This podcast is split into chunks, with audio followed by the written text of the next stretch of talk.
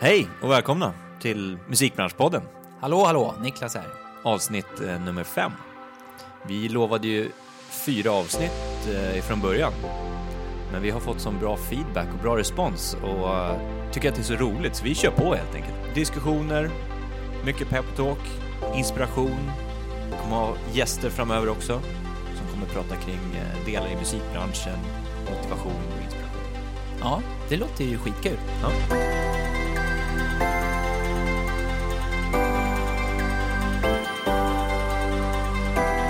Andreas, vad har du gjort idag då? Ja, jag började ju med en intressant chatt tillsammans med eh, Music Business-eleverna.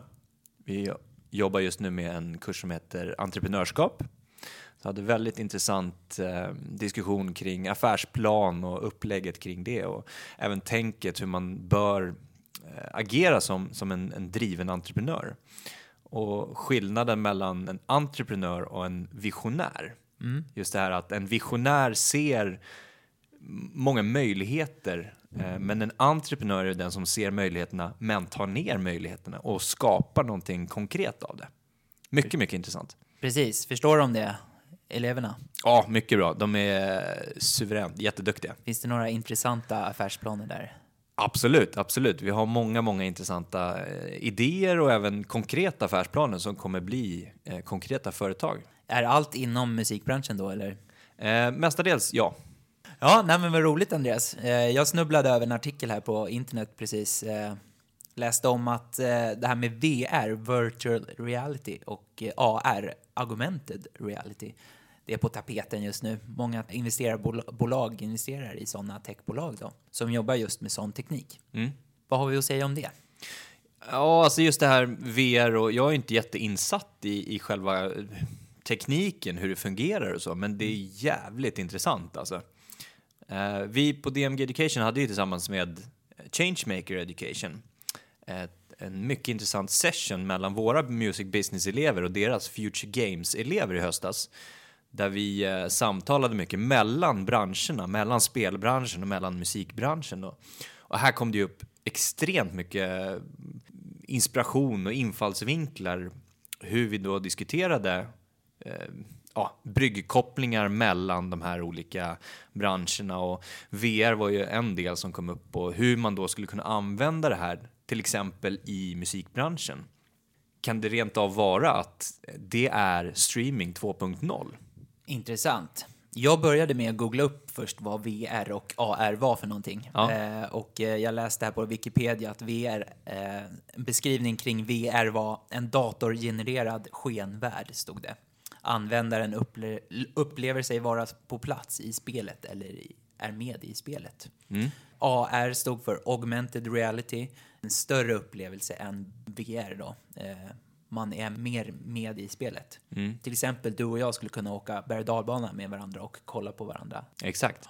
Och, nej, men just det här kommer ju mer och mer i musikbranschen redan nu, att du kan stå på en scen tillsammans med artisten Eh, och titta åt olika håll och vara med och stå på scenen samtidigt som du då, ja men till exempel ser Bono stående bredvid dig. Eh, vilket är en sjukt häftig upplevelse i sig. Eh, men, men skulle man kunna, alltså om vi bara spånar lite, det finns ju så otroligt många möjligheter. Om man tittar utanför musikbranschen så har ju mäklarfirmor till exempel börjat med det här att ha visningar kring det här. Och speciellt när det gäller nybyggen. När du, när du köper en, en, ett nybygge så ska du ju välja massa ytskikt. Eh, det är kakel och det är färg på tapeten och det är bänkskiva i köket och så vidare. Och här då kan du bara koppla på dig ett par sådana här eh, glasögon och byta eh, byta bänkskiva, byta färg på tapeten och få känslan av att du står i rummet och känna, ja ah, men vilken färg vill jag ha nu då? Istället för att bara titta på ett färgprov på 10 gånger 10 centimeter. Precis, det där är klockrent. Att just gå in i köket och bara öppna upp en lucka, se hur det här känns. Ja. Kylen är bakom mig, hur känns det? Exakt. Ska jag ha rostfritt? Ska jag ha vitt? Vad det nu kan vara. Men hur, hur skulle man kunna göra liksom rent konkret då i musikbranschen? Om vi bara spånar lite som vi sa.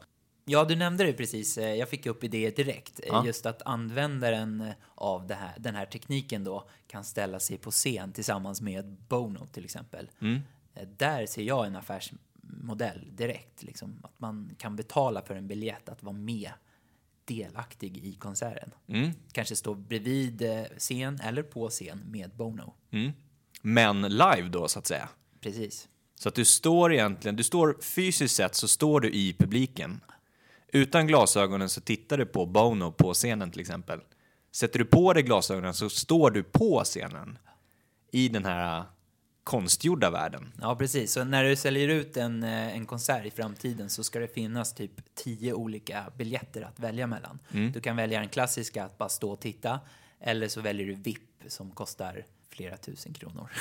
Där du kan stå på scenen med Bono. Och det, det där är ju skithäftigt alltså. Tänk dig då om de, när, han, när, du, när du kopplar på de här glasögonen då, så när han verkligen på riktigt i verkligheten fysiskt tittar till vänster och du står till vänster med de här glasögonen på scenen då, fast i den digitala världen, så ser du live att han tittar på dig. Vilken sjuk upplevelse, kan du tänka dig den alltså? Ja, jag, jag kan tänka mig det, men eh, ja, jäklar. Samtidigt som du hör det här live, alltså själva musiken. Hade vi valt Bono dock? Vem hade du valt? Ja, ja, jag har ju väldigt många att välja. Men eh, gamla klassiska Metallica såklart. Fast där någonstans skulle jag också... Det skulle ju vara så coolt att kunna uppleva det som redan har varit. Jag skulle vilja uppleva Metallica 1986, till exempel. Hur ballt vore inte det? Solnahallen med Cliff Burton, sista gigget. Att gå upp på scenen och, och, och ta del av det här. Ja, men då snackar vi om att reproducera en liveshow. Eh, det kanske kommer också. Ja, men precis. För, för nu måste du ju då ha spelat in det redan innan, så att säga. Ja. Ehm, men, men det här med live, alltså man, man, säger, man tänker ju på att tekniken utvecklas i princip varje dag. Så att någonstans så kommer det här säkert komma. Att du kan gå tillbaka och uppleva saker som redan har varit. Ja, det vore ju otroligt mäktigt alltså. Ja, det är jäkla intressant. Jag kommer ihåg när jag pluggade 2011. Då berättade min föreläsare för mig, då, Daniel Johansson, om just det här med augmented reality. Det var en artist som hade jobbat med det då när han spelade in sin musikvideo. Men då var det så svårt för användarna att, eh, att använda sig av den här nya tekniken. Och det har alltid varit ett problem med att få fram eh, hur man ska kunna använda det här. För det, är så dyr, det behövs så dyr utrustning. Ja. Eh, Men idag så kan det vara möjligt eftersom kraften i datorprocessen i mobilerna är så bra idag. Så idag går det att göra den här tekniken mycket enklare. Då. Mm. Och tänk dig så här då, om vi spånar ännu mer. Nu, nu, nu kör vi lite vrickat här, det är lika bra. Det är skitbra. Ja, men om vi, om vi ser... Nu tänker vi glasögon, vi tänker eh, mobiltelefon och do, processorkraften där och så vidare. Skulle nu, nu det är lite så här science fiction, men det här, det här skulle ju lika väl kunna hända. Vi snackar linser. Vad tror vi om det? Ha som standard att på morgonen så sätter du i dig ett par linser. Inte för att du har, behöver korrigera synen, utan just för att du ska på något sätt kunna ja, se den här konstgjorda världen genom de här linserna. Det där tror jag absolut är möjligt. Alltså, kolla bara på de produkter som finns ute nu med det här HoloLens och de. Det är ju sådana stora schabrak som man sätter på sig på skallen. Liksom, titta på de första mobiltelefonerna och titta på vad vi är idag. Ja. Eh, från eh, den tekniken som finns idag till eh, ja, linser som du säger. Ja. Helt fullt möjligt. Och då tänker folk så här, ja men vadå, en processor måste ju få plats, eller liksom en kärna eller något måste få plats i linsen. Ja men det behöver det inte vara, precis som ett par hörlurar så skulle ju du kunna ha trådlösa hörlurar men själva uppspelningsmanicken eller vad man säger eh, har du i mobiltelefonen. Så att dina linser är alltså kopplade till din mobiltelefon om du fortfarande har en mobiltelefon. Och därigenom då så styrs det här på något sätt. Så att det är egentligen bara skärmen du har i linserna. Det vore ju hur mäktigt som helst alltså. Ja, jäklar vad häftigt. Tänk om jag står bredvid dig på en konsert på Metallica kanske. Ja. Och eh, så ser jag dig bara stå och digga, digga som bara den och bara så här lever in i showen och jag undrar vad gör du egentligen? Ja. Men eh, då har du de här linserna på dig då. Exakt. Jag ser inte att du är liksom, du har ju köpt det här VIP-paketet där du står på scenen och diggar satan. Precis. Yes. Men det här, är, ju, det här är ju helt grymt. Ska vi spåra ännu mer eller? Ja, gärna. Tänk dig, eh, det, det, har ju kommit någonting som heter 360 ljud också.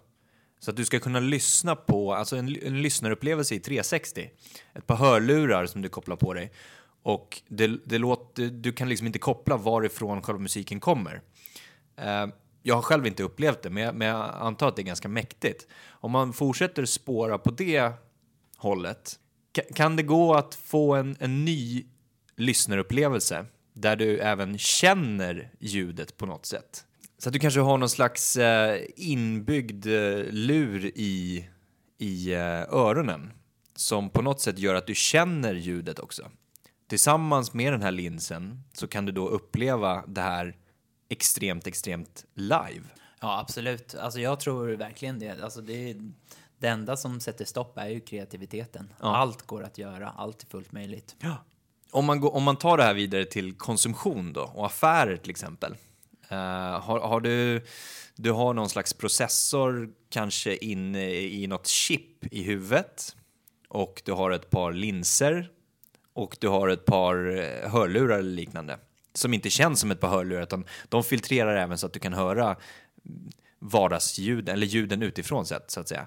Eh, tänk dig då om du går in i ett köpcentrum och går in i en affär de här bågarna, stöldbågarna, istället för att eh, det är stöldbågar så är de kopplade så att de kan skicka signaler på något sätt till ditt chip och på så sätt skapa, den kan känna av din närvaro och din, ditt humör ehm, och på så sätt skapa en, en helt egen upplevelse i butiken, en shoppingupplevelse.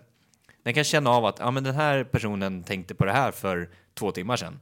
Ja, men då skapar vi det här ljudet, den här lukten kanske, den här synen, det här, eh, de här erbjudanden och så vidare.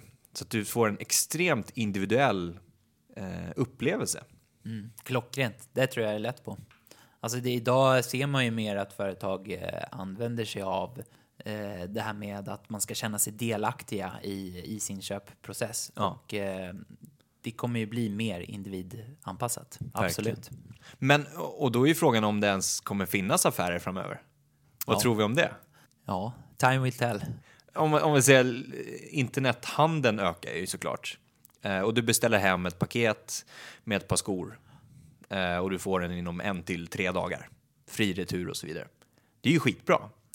Men sen finns det ju, jag har två, två delar kring det här, hur det här skulle kunna utvecklas. Nå- någonting som redan har börjat testas är ju eh, drönarleveranser. Eh, så att när du beställer någonting, om du beställer ett par skor till exempel, så skickas de direkt via en drönare.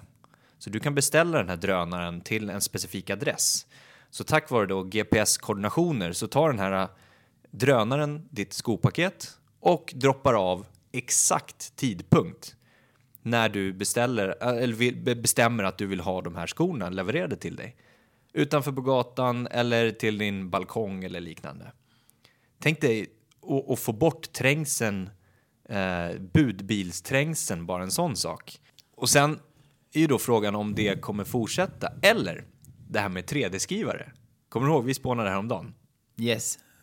Det, nu, eh, återigen vrickat, men vi gillar att spåna. Ja. Spåra Ja. framför allt. Jo, det här med 3D-skrivare, att man, eh, det kommer bli så billigt framöver så att varje person kommer ha en 3D-skrivare hemma.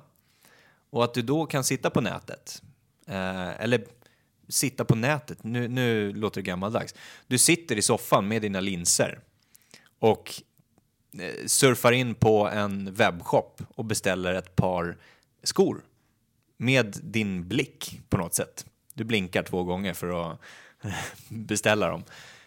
Och sen när du, skick, när du skickar beställningen så kan du koppla det till din 3D-skrivare. Så 3D-skrivaren skriver ut de här skorna så att du får dem på en gång. Så slipper leverans, väntan och du får dem på en gång. Jag tänker ju direkt eh, lite så här, vart är vi på väg? Blir Ja. lite rädd. Eh, blir folk lata nu? Eh, man kanske... Eh, nej men om vi pratar om VR-tekniken, om AR-tekniken. Eh, det här med robotar börjar bli mycket mer på tapeten också. Eh, 3D-skrivare. Var kommer vi hamna någonstans? En fråga man kan ställa sig just där med 3D-skrivare då. Returrätt. Hur returnerar du ett par skor som du precis har skapat själv hemma. Du, eh, alltså det är ju otroligt häftigt för att eh, butiken behöver ju inget lager, inget fysiskt lager på så sätt. Och du kan spara, du sparar ju energi och du sparar ju på miljön på så sätt också. Men returrätt, alltså då kommer ju sådana frågor upp och så vidare. Det kommer säkert lösas framöver, men ja, ja. Jag, jag tror nog eh, några, några butiker kommer nog jobba med den här senaste tekniken, att man kan bara sitta i soffan och beställa hem produkter och sådär. Eh, med hjälp av 3D-skrivare och linser och allt möjligt. Mm. Men sen så tror jag just det här med upplevelsen att gå till ett köpcentrum, att befinna sig fysiskt på plats, att gå in i en affär och sådär. Det kommer nog eh, stanna kvar ett, en bra stund framöver tror jag också. Men jäkligt intressant. mycket.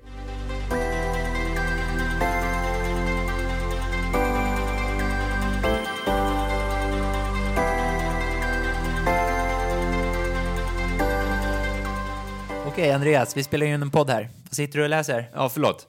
Eh, nej, men jag, jag läste en, en recension här kring eh, en bok jag läste. En jävligt intressant bok. Eh, neuroledarskap. Oj, det låter ju intressant. Ja, det låter avancerat, eller hur? Jättebra skriven, mycket intressant bok som tar upp teorier kring just hur hjärnan fungerar när det gäller ledarskap, beslutsfattning och hur hjärnan reagerar på förändring versus utveckling och sånt där. Eh, och just att, att man istället bör se det som just utveckling. Förändring låter mer negativt eller? Ja, men precis. Förändring klingar ju just väldigt främmande och mörkt och man vet inte riktigt vad det är som ska hända. Ja, ger negativa signaler till, Ja, till hela kroppen. precis. Eh, och, och, och man är inte riktigt beredd på det. Alltså, Utveckling låter mer roligare. Utveckling eh, kopplar hjärnan till att man rör sig framåt. Man har någonting att se fram emot. Man rör sig framåt, man utvecklas eh, och skapar någonting. Eh, så att skillnaden skulle man kunna säga är att, att förändring är man, är man inte riktigt beredd på. Utveckling är man beredd på. Och, och koppla det här till då musikbranschen som vi faktiskt pratar om i den här podcasten Mm, intressant. så har ju det här skett gång på gång i musikbranschens historia. Förändring versus utveckling.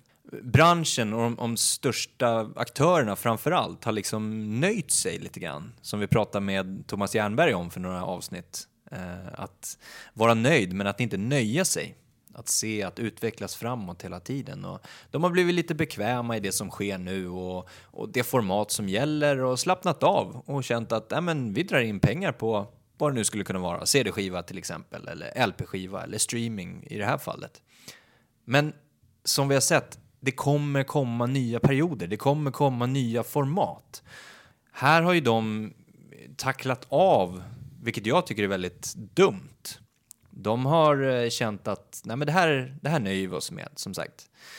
Och det här är ju inget nytt som har hänt. Det här har vi ju sett sedan länge tillbaka. Just det här med att branschen inte har varit, varit redo för utvecklingen. De har sett det som förändring. De har blivit tagna på sängen lite grann. Förr i tiden när det inte fanns inspelad musik, när man upplevde musik live. Man gick till salongen till exempel och upplevde någon som spelade piano live. Det var det sättet man upplevde musik. Sen helt plötsligt så, så kunde man lyssna på musik hemma. Inspelad musik, det var ju någonting helt fantastiskt. Wow. Då sa ju branschen då att det här kommer ju ta död på livemusikerna. Det är ingen som kommer vilja uppleva livemusik längre. Tänk vad fel man hade, eller? Ja, verkligen. När vi nu går tillbaka till att uppleva livemusik mer än någonsin. Eh, Så här var ju då, branschen var inte, de var inte beredda på det här. De, de såg inte att nej, men vi ska utveckla det här någonstans. Utan de, de såg det istället som, okej, nu hände någon slags förändring. Nu måste vi ta tag i det här. Det var någonting läskigt, någonting oväntat. Och det är ju precis som det har hänt samma sak gång efter gång när det har skett förändringar, eller som jag vill kalla det, utveckling i musikbranschen. Som det som hände samma sak runt år 2000 när illegal nedladdning blev stort. Med Napster och hela den karusellen. Ingen var riktigt beredd på det här. Utan alla nöjde sig med att ja, men vi har, vi har eh, CD-skivan som ett standardformat. Och istället för att se det som utveckling så såg man det som ett hot och ville inte riktigt acceptera det här. Man, kan- man, man kan ju redan liksom tidigt på 90-talet se att, att hela världen började ju gå mot en digitalisering på riktigt allvar. Och man såg att tekniken verkligen utvecklades, men ignorerade det helt och hållet. Och sen självklart så finns det ju liksom personer och företag som istället såg det här som en utveckling och såg möjligheterna till att skapa någonting nytt och lyfta fram ett nytt format. Eh, och såg att ja, men det här är framtiden. Så att här tycker jag att branschen som helhet måste rycka upp sig lite grann. Måste börja se över det sättet man, man tittar på utveckling. Jag tycker man, man ser det för mycket som förändring. Alltså, man tar tag i det när det väl dyker upp. Att man istället bör vara fokuserad på att utveckla befintliga modeller eller skapa nya modeller och inte bara jobba med gamla modeller bara för att det funkade en gång. Copy-paste liksom att den här artisten sålde så här mycket via det här eh, konceptet vi jobbade med. Ja, men vi kör samma, det funkade ju. Vi kör på, ja, men vi kör samma tänk på den här artisten också. Det går säkert bra. Och förstå att teknik och musik hänger ihop. Det har det alltid gjort. Det är liksom ingenting nytt. Så hur skulle vi kunna, hur skulle man kunna tillsammans alltså hjälpas åt att utvecklas, de här två branscherna, teknikbranschen och musikbranschen. Hur skulle man istället som en, en enda stor, eh, vad ska vi kalla det, media eller eh, underhållningsbransch kunna hjälpa till att, eller hjälpas åt att, att utvecklas? Och att ständigt då se, okej, okay, vad är det som kommer, vad är nästa grej? Mm. Ja, det är jäkligt intressant Andreas. Jag satt och lyssnade här med stora öron. Ja. Eh, men det är som du säger, att eh, musikbranschen har ju varit en, en egen bransch väldigt, i, väldigt lång tid och har, haft sina produkter som de har varit nöjda med att sälja. Men nu har ju digitaliseringen kommit in och eh, musikbranschen har blivit mer en, en techbransch skulle man kunna säga. Ja, verkligen. Och för att bygga upp nya affärsmodeller inom det nya tänket, inom digitaliseringen, så måste man ju ta in andra aktörer. Mm. Eh, så se det som en utveckling och inte förändring. Det är väl mm. det du menar, Andreas? Ja, men exakt. Och se det mycket bredare än vad det är just idag. Se möjligheterna.